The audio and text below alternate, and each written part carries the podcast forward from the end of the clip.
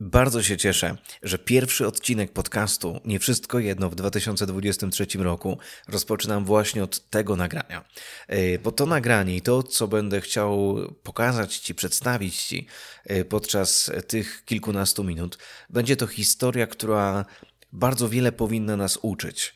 I to jest historia, która jest dość szeroko znana w środowiskach protestanckich, w środowiskach ewangelikalnych, właściwie wręcz jest nieznana w środowisku katolickim, y, ale lekcja, która płynie właśnie z tamtego miejsca i z tego, co tam w, tamtym, w tamtej miejscowości się wydarzyło, a mam na myśli miejscowość Hernhut, y, jest lekcją dla całego chrześcijaństwa. W miejscowości Hernhut wydarzyło się coś bardzo, bardzo e, istotnego, o tym opowiem za chwilę, e, ale wpierw powiem o samej miejscowości, zanim przejdę do głównego tematu dzisiejszego podcastu, bo ta miejscowość już sama w sobie jest bardzo prorocza, mieści się przy granicy niemiecko-czesko-polskiej, e, około 200 km od Wrocławia na zachód.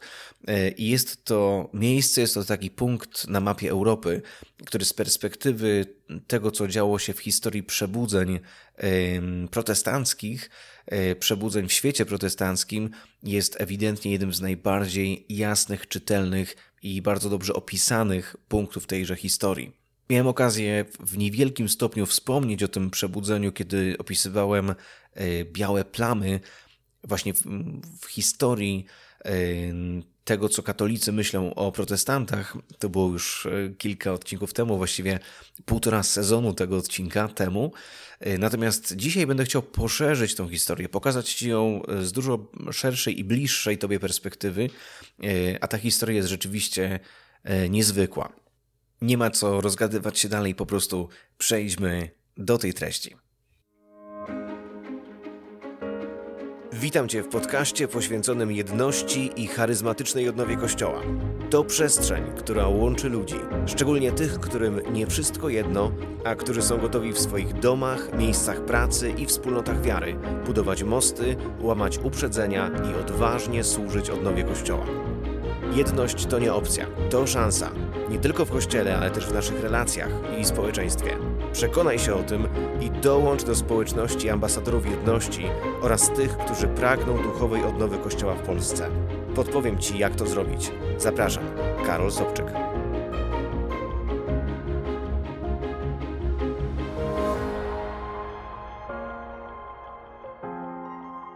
Historia, którą za moment opiszę, wiąże się z pewnymi ludźmi, którzy są nazywani braćmi morawskimi, lub inaczej mówiąc, Morawianami.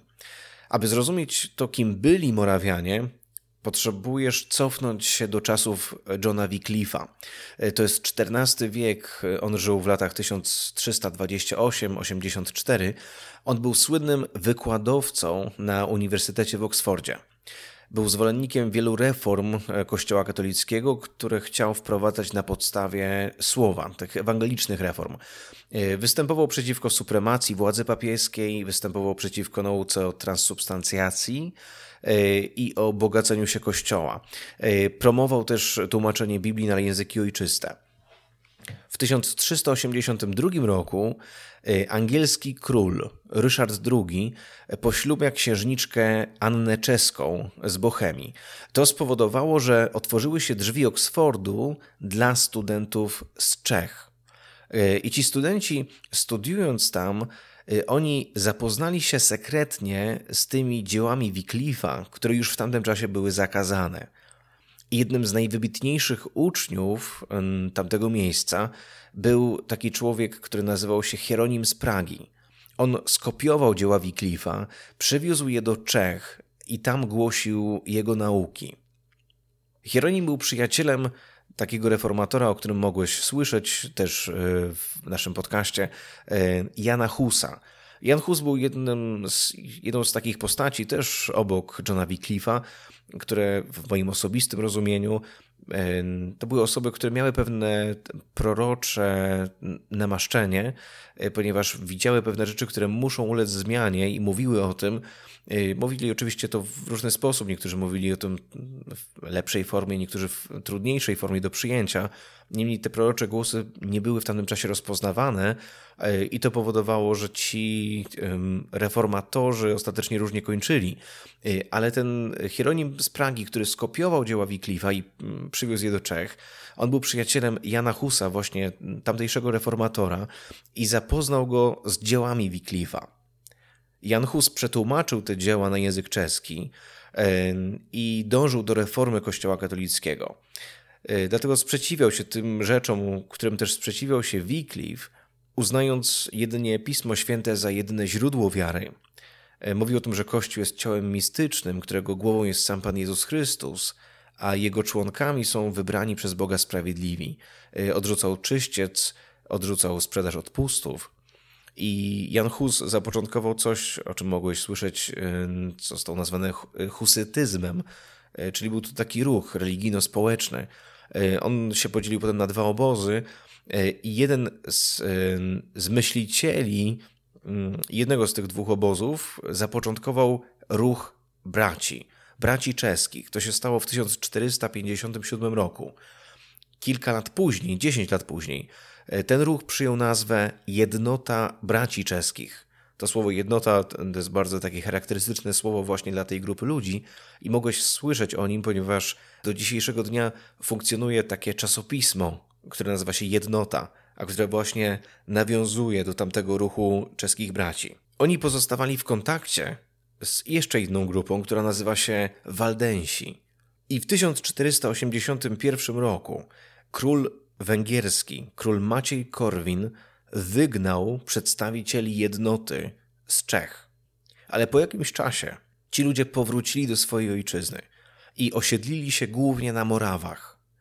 W tamtym czasie, w czasach Lutra, y, ci ludzie liczyli bardzo wiele osób, to było około 200 tysięcy ludzi. Ale przez to, że byli prześladowanymi, bo doświadczali prześladowania głównie ze strony katolików, ze strony Kościoła katolickiego, to emigrowali w XVI wieku i to w taki sposób, że tylko resztka z nich została na Morawach. W 1722 roku ci właśnie ludzie, ci Morawianie, znaleźli ostatecznie swój azyl. Azyl w Saksonii, w posiadłości pewnego niezwykle prawego, gorliwego chrześcijanina, hrabiego Nikolausa von Zinzendorfa. I to jest bardzo ważna postać, ponieważ ona jest kluczową postacią dla tego, co wydarzyło się później.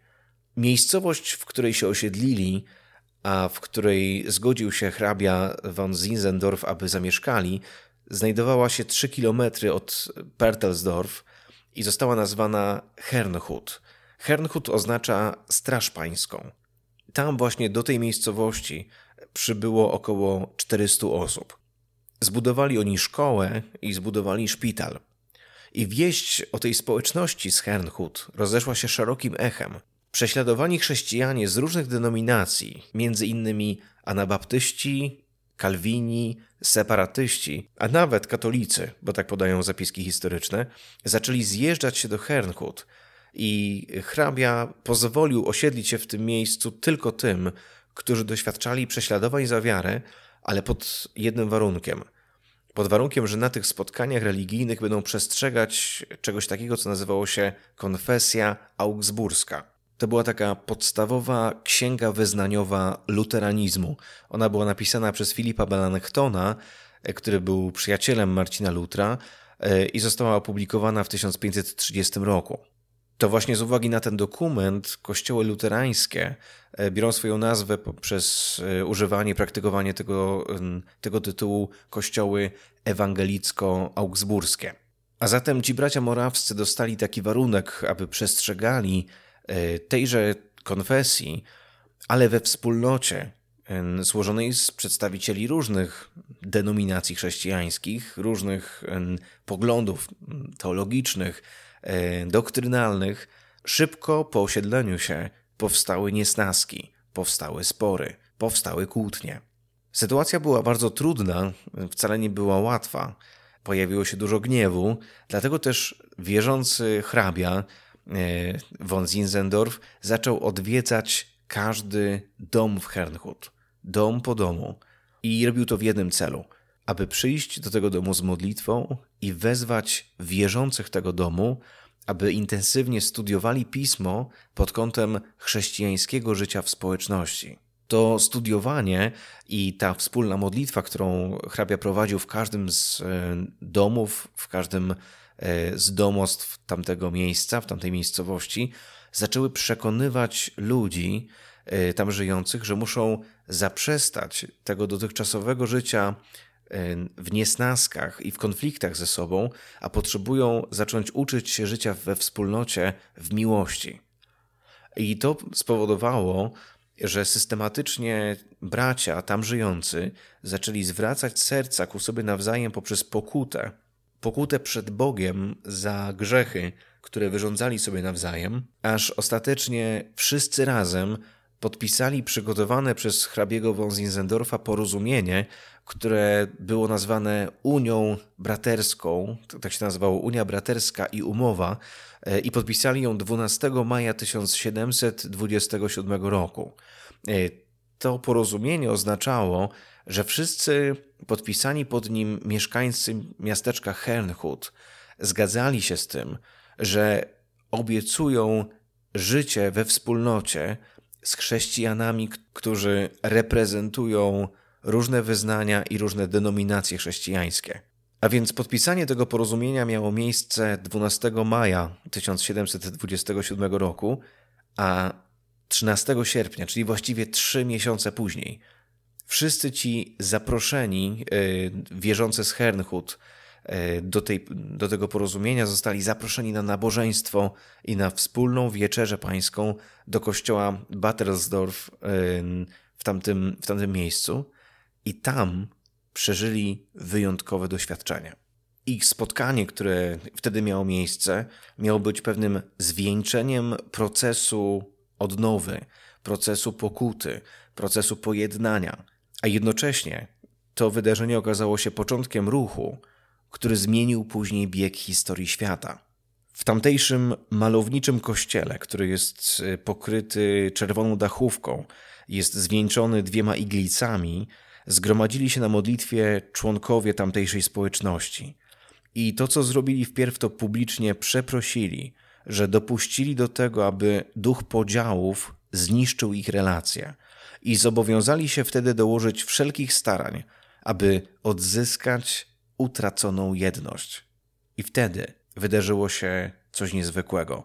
Duch Święty zaczął się poruszać z taką mocą podczas południowej wieczerzy, e, którą wspólnie przeżywali, że według relacji świadków niektórzy ze zgromadzonych ludzi mogli ledwie ustać na nogach i wrócić do domów. Ten moment został nazwany później Morawską Pięćdziesiątnicą i ugruntował on głęboką wizję wytrwałej modlitwy, ale też działalności misyjnej i takiej transformacji społecznej. E, I żeby opisać Ci dlaczego, powiem w ten sposób. Tuż po tym doświadczeniu została podjęta sztafeta modlitewna. Sztafeta, w której co godzinę zmieniały się osoby, które prowadzą nieprzerwaną modlitwę. Godzina po godzinie, dzień po dniu, tydzień po tygodniu, miesiąc po miesiącu. Bracia i siostry ze społeczności z Hernhut przejmowali wartę po sobie nawzajem.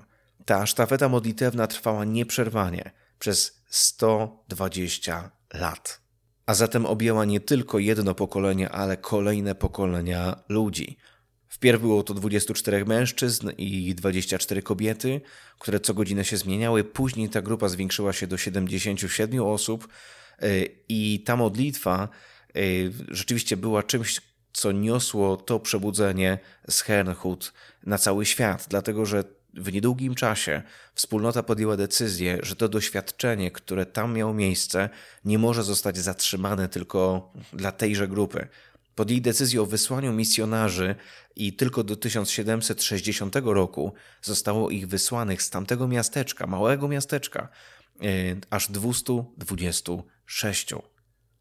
Wysłano ich do innych krajów Europy, do Azji, do Afryki, do Ameryki Północnej i Południowej, na Grenlandię i na Karaiby. Pierwsza misja morawska została założona na karaibskiej wyspie Świętego Tomasza w 1732 roku. W 1733 roku została założona misja na Grenlandii, która została nazwana nazwą Neuhernhut i stała się później zalążkiem stolicy, właśnie stolicy Grenlandii Nuuk. To misyjne nastawienie ludzi z Hernhut e, odegrało też bardzo dużą rolę na powstanie metodyzmu, ponieważ e, ich głoszenie miało wpływ na Johna Wesleya, który jest ojcem metodyzmu i całego ruchu ewangelicznego w formie, w jakiej znamy go do dzisiaj. Największe sukcesy misyjne ci ludzie z miasteczka Hernhut odnieśli w Ameryce, bo wiele osad i miast powstało w Stanach Zjednoczonych właśnie za sprawą ich działalności.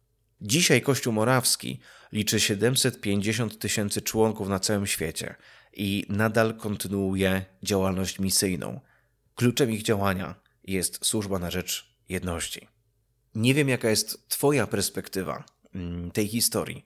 To, kiedy ja jej słucham, widzę przede wszystkim fakt tego, że kiedy jesteśmy podzieleni, kiedy nie ma między nami jedności, kiedy są, kiedy pojawiają się między nami spory, kłótnie, niesnaski, tak jak w Hernhut, jeszcze przed przebudzeniem, to mamy bardzo ograniczone możliwości tego, aby właściwie ugościć Boga w Kościele.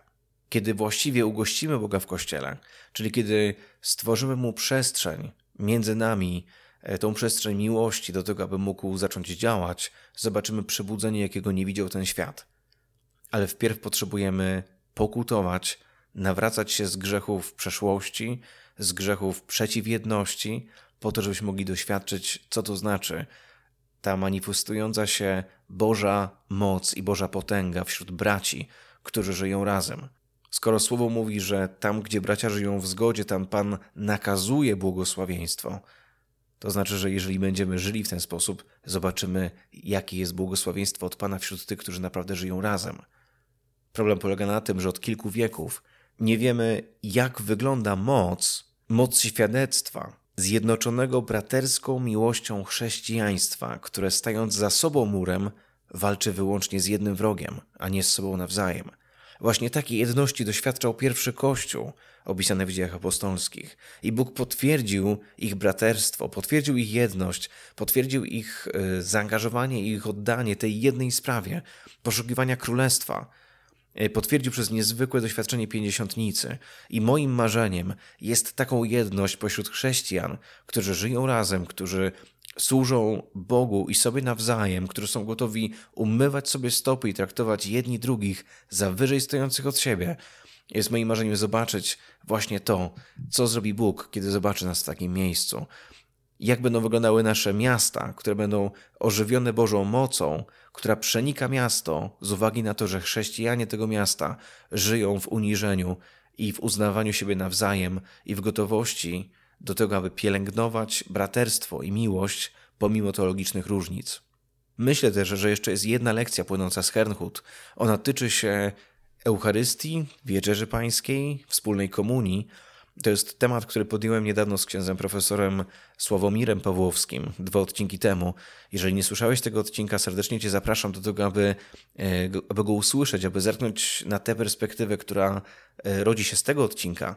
Ale w, tym, w tej historii w Hernhut, e, to co dla mnie jest ważne, to co ja dostrzegam, to co ja widzę, to jest to, że coś niezwykłego dzieje się wtedy, kiedy chrześcijanie są gotowi do tego, aby stanąć razem do wspólnego stołu.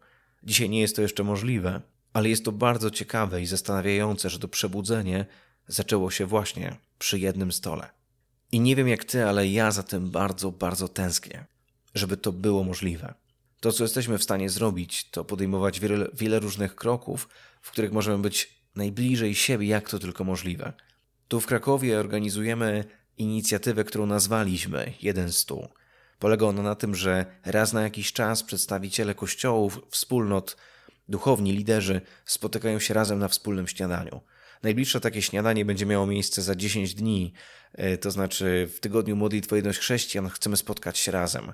Spotkamy się wspólnie, spotkamy się przy stole, przy jedzeniu i oczywiście celem nie jest tutaj teraz to, aby miała miejsce między nami komunię akurat w, w tym najbliższym e, dniu, kiedy to się wydarzy, ale wierzę, że tego typu kroki one przyczyniają się do tego, że zaczynamy się nawzajem poznawać, poznawać swoje wrażliwości, poznawać swoje serca. E, I tego typu inicjatywy dzieją się już nie tylko w Krakowie, dzieją się też w innych miastach. W niektórych z nich, tak jak we Wrocławiu czy w Warszawie, dzieją się dłużej niż w Krakowie ale wiem też o innych miejscowościach, w których pojawiają się takie inicjatywy, pojawiają się takie kroki. E, I jeśli chciałbyś, aby w Twoim mieście tego typu inicjatywa powstała, chcę Cię prosić, skontaktuj się z nami. E, jestem gotowy też Ci pomóc w tym, aby tego typu inicjatywę powołać w każdym mieście w Polsce, bo wierzę, że przez relacje jesteśmy w stanie budować zupełnie innej jakości kościół, który nie jest skoncentrowany na działaniu, nie jest skoncentrowany na osiągnięciach, jest skoncentrowany na, na miłości i na relacjach i na tym, co Bóg chce uczynić w mieście. I to oczywiście owocuje działaniem, ale ma tę bazę, ten fundament, tą podstawę, podstawę braterstwa, podstawę zażyłości, podstawę bliskości, podstawę wzajemnego zaufania, które wzmacniamy między sobą jako chrześcijanie z uwagi na Jezusa Chrystusa. Bo on powiedział, że kiedy zobaczy miłość, która jest między nami, to wtedy świat uwierzy. Świat potrzebuje zobaczyć miłość. I wierzę, że będziemy tego oglądać jeszcze więcej w 2023 roku, również za sprawą tego projektu. Dlatego chcę podziękować Tobie i wszystkim tym, którzy w jakikolwiek sposób wspieracie to miejsce, czy to przez y, swoje dobre słowo, czy przez finanse. Na naszym patronajcie i poprzez konto internetowe można wspierać to właśnie dzieło, ale też poprzez modlitwę w jakikolwiek sposób pomagasz nam w tym, bardzo Ci za to dziękuję, bo wierzę, że dzięki takim połączeniom stajemy się takim ruchem społecznym w Polsce, który uczy ludzi, w jaki sposób można czynić jedność, w jaki sposób robić to na poziomie swojej społeczności, swojej wspólnoty, swojego kościoła, ale nie tylko w tych miejscach, bo i dużo, dużo szerzej E, dlatego że my, jako chrześcijanie, jesteśmy tymi, którzy mamy być znakiem jedności. Mamy być tymi, którzy niosą słowa jednania, którzy czynią służbę pojednania między ludźmi i wierzę, że Kościół ma właśnie to zadanie wnosić pojednanie wszędzie tam, gdzie to jest możliwe. Będzie mi bardzo miło pozostać z Tobą w kontakcie w tym kolejnym roku, 2023, i wierzę, że będziemy się widywać częściej niż w poprzednim. Najbliższym razem usłyszymy się za dwa tygodnie. I serdecznie Cię zapraszam do tego, aby e, zasubskrybować e, ten kanał, ten podcast, e, czy to na YouTubie, czy to w serwisach streamingowych. Cieszę się, że możemy być kolejny sezon, kolejny rok obecni w tym miejscu, w którym go słuchasz. I jeśli wiesz o pewnych ważnych inicjatywach, które dzieją się na rzecz jedności w tygodniu modlitwy o jedność chrześcijan w Twoim regionie, w Twoim mieście, proszę daj znać nam o tym, możesz napisać maila, skontaktować się z nami poprzez Facebooka czy poprzez Instagrama. Y, chcemy te rzeczy zbierać i o tych rzeczach mówić, o tych rzeczach informować, pokazywać je po to, żeby jak najwięcej ludzi mogło zobaczyć, jak bardzo mnoga rzeczywistość jedności dzieje się obecnie w Polsce. Bo rzeczywiście inicjatyw, różnych projektów i przedsięwzięć, które służą budowaniu mostów, wzajemnej pokucie i też pojednaniu między chrześcijanami jest coraz, coraz więcej. A zatem błogosławionego roku 2023. Niech będzie jeszcze bardziej pełen Jego obecności, Bożej obecności e, i jednocześnie życzę Ci tego, aby był takim rokiem, w którym i w Twoim miejscu służby, i w Twojej rodzinie, i w Twoim miejscu pracy, i w Twoim kościele zobaczysz jeszcze więcej Bożej pojednawczej mocy e, i Jego uzdrowienia naszych relacji, naszych zranień, które wyrządziliśmy sobie w przeszłości, jako ludzie, jako bracia, jako rodzina, ale też e, właśnie takiego ukojenia i ukierunkowania na Jego plan.